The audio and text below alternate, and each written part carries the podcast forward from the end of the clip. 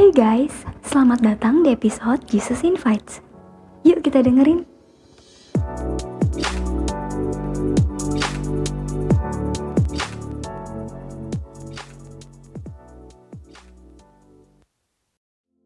Shalom teman-teman, senang bisa bertemu kembali di podcast kita Jesus Invite pada episode yang keempat. Ya, selamat datang teman-teman. Bagi teman-teman yang baru bergabung nih, baru join dengerin podcast kita, teman-teman bisa dengerin podcast kita yang sebelum-sebelumnya nih di Spotify Zona Anak Tuhan ataupun di Instagram Zona underscore Anak Tuhan. Ya, oke teman-teman. Pada podcast kali ini kita akan sharing nih tentang tujuan hidup yang lebih berharga. Ya, mungkin kalau ini sebagai kita anak-anak muda, kita punya tujuan hidup sudah, merancangkan tujuan hidup kita ke depannya. Walaupun mungkin masih uh, bertanya-tanya mungkin gaya, mungkin gaya, mungkin gaya, tapi setidaknya kita sudah memiliki tujuan, sudah punya angan-angan untuk tujuan ke depannya. Mungkin kayak tujuan bekerja di tempat ABC, mendapatkan gaji sekian, ataupun tujuan untuk membangun startup sehingga memiliki kekayaan yang begitu hebat banyak gitu ataupun tujuan untuk menjadi tenar melalui mungkin jadi akhirnya jadi artis Instagram artis TikTok ataupun artis YouTube gitu kan ya mungkin teman-teman semua punya tujuan ya tapi saya mau sampaikan bahwa teman-teman tujuan-tujuan yang tadi saya sebutkan itu ada tujuan yang lebih berharga dibandingkan tujuan tersebut yaitu tujuan untuk melayani Tuhan. Ya, kenapa tujuan melayani Tuhan itu lebih berharga dibandingkan yang lain? Ya, saya mau sampaikan kita akan baca firman Tuhan teman-teman di Matius 6 ayat 19 sampai 20. Janganlah kamu mengumpulkan harta di bumi. Di bumi ngengat dan karat merusakannya dan pencuri membongkar serta mencurinya. Tetapi kumpulkanlah bagimu harta di sorga.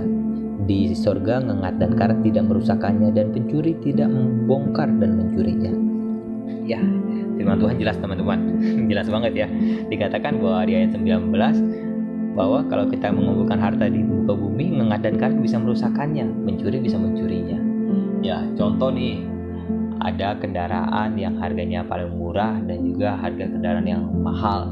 Mungkin motor yang harganya belasan juta dengan mobil yang harganya miliaran rupiah. Sama-sama punya potensi bahkan pernah kejadian mobil yang harga miliaran rupiah kebakar ya gak mungkin teman-teman tahu gitu. Ataupun motor juga harga belasan juta juga punya uh, pernah kejadian terbakar gitu. Jadi nggak ada patokan harga yang lebih mahal paling aman gitu teman-teman. Dan juga uh, pencuri mencurinya sama kayak handphone gitu. Handphone yang mau harganya 5 juta ataupun harga yang belasan juta itu punya potensi, potensi dicuri, dijamret. ya teman-teman. Mungkin uh, teman-teman ada yang pernah kejadian ataupun pernah mendengar kejadian-kejadian tersebut. Nggak ada patokan harga yang mahal maka anti maling anti pencuri anti jambret nggak ada.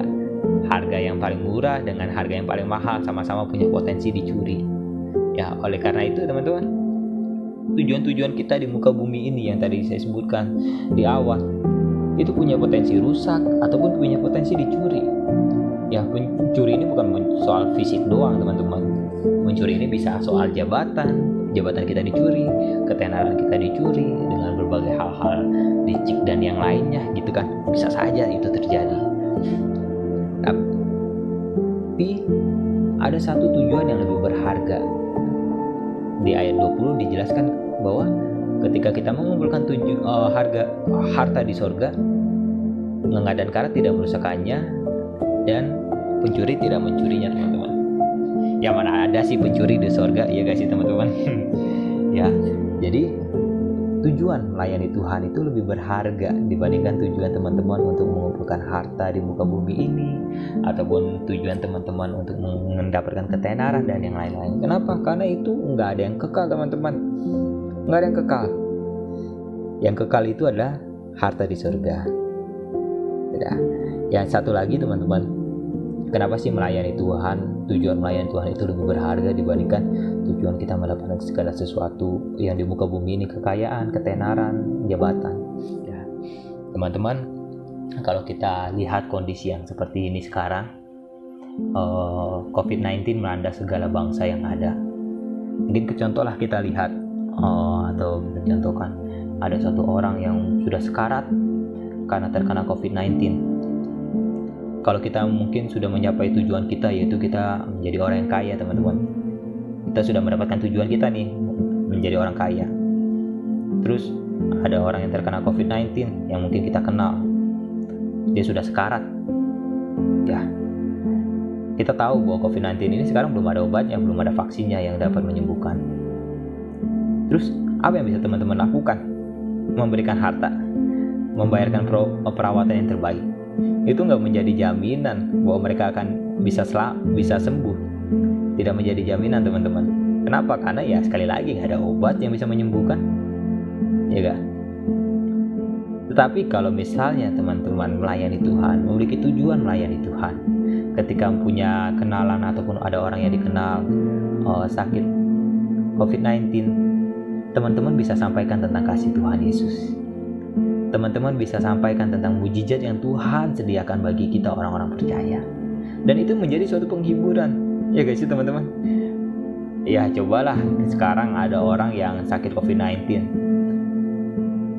Terus ada dua orang datang, satu orang yang memiliki tujuan hidup uh, mengumpulkan harta di surga, ada satu lagi orang yang memiliki tujuan hidup yang mengumpulkan harta di bumi satu berarti yang mengumpulkan harta di bumi dia datang dengan segala kekayaannya nih mungkin. Contoh ya dengan segala kekayaannya.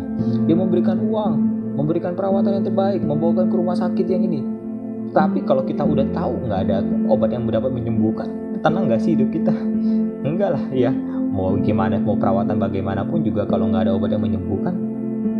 Tetapi kalau misalnya satu orang yang datang itu dengan punya tujuan untuk melayani Tuhan tujuan uh, mengumpulkan harta di surga dia membawakan tentang kasih Tuhan. Dia memberitakan tentang ada keselamatan, ada kesembuhan, ada jalan keluar di dalam Tuhan. Itu itu membawa sebuah ketenangan di dalam kehidupan kita. Itu membawa suatu ketenangan bagi orang yang kita beritakan itu. Ya teman-teman. Jadi uh, teman-teman bisa lihat nih bahwa sebenarnya tujuan kita melayani Tuhan itu lebih berharga dibandingkan tujuan kita mendapatkan kekayaan, ketenaran, ataupun jabatan ya. Karena satu hal lagi teman-teman.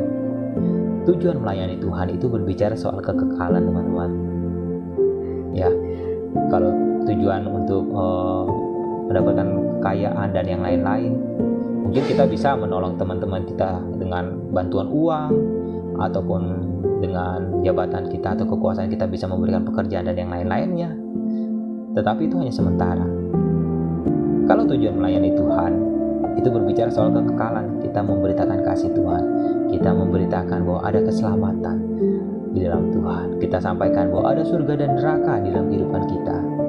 Ya, sehingga apa yang kita sampaikan, apa yang kita lakukan itu berbicara soal kekekalan. Jadi itu sangat penting teman-teman. Ketika orang sakit sekarat, yang mereka butuhkan itu keselamatan, yang mereka butuhkan itu Tuhan Yesus, bukan hanya uang. Bukan soal jabatan. Yang mereka butuhkan itu Tuhan Yesus ya. Jadi kita bisa melihat nih teman-teman sesungguhnya yang berharga itu tujuan melayani Tuhan. Iya kan teman-teman? Dibandingkan tujuan oh, mengumpulkan harta di surga tu, dibandingkan tujuan untuk mendapatkan kekayaan jabatan dan yang lainnya. Lebih berharga tujuan kita melayani Tuhan.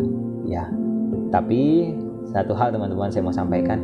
Untuk mencapai tujuan kita melayani Tuhan kita membutuhkan kasih Tuhan tinggal di dalam kehidupan kita. Kenapa? Karena saat kita melayani Tuhan, kita kan sedang memberitakan kasih Tuhan kepada orang-orang yang kita kenal. Kita sedang menyampaikan tentang kasih Tuhan, kebaikan Tuhan. Tetapi sebelum kita menyampaikan itu, kita harus sendiri merasakannya di dalam kehidupan kita. Nah, bagaimana? Yaitu dengan cara Tuhan Yesus tinggal dan hidup di dalam kehidupan kita. Maka kasih Tuhan itu akan penuh mengalir di dalam hati kita memenuhi hati kita. Kalau karena sampai dengan akhirnya kita bisa menyampaikannya, memberikannya apa yang telah kita terima kepada orang-orang yang um, kita lihat membutuhkan. Ya teman-teman, jadi bagi teman-teman yang mau untuk melayani Tuhan, bagi teman-teman yang sudah mau berbalik tujuannya mau melayani Tuhan, teman-teman harus menerima Tuhan Yesus masuk di dalam hatinya sehingga kita bisa membagikan kasih Tuhan kepada orang-orang yang kita rasa membutuhkan.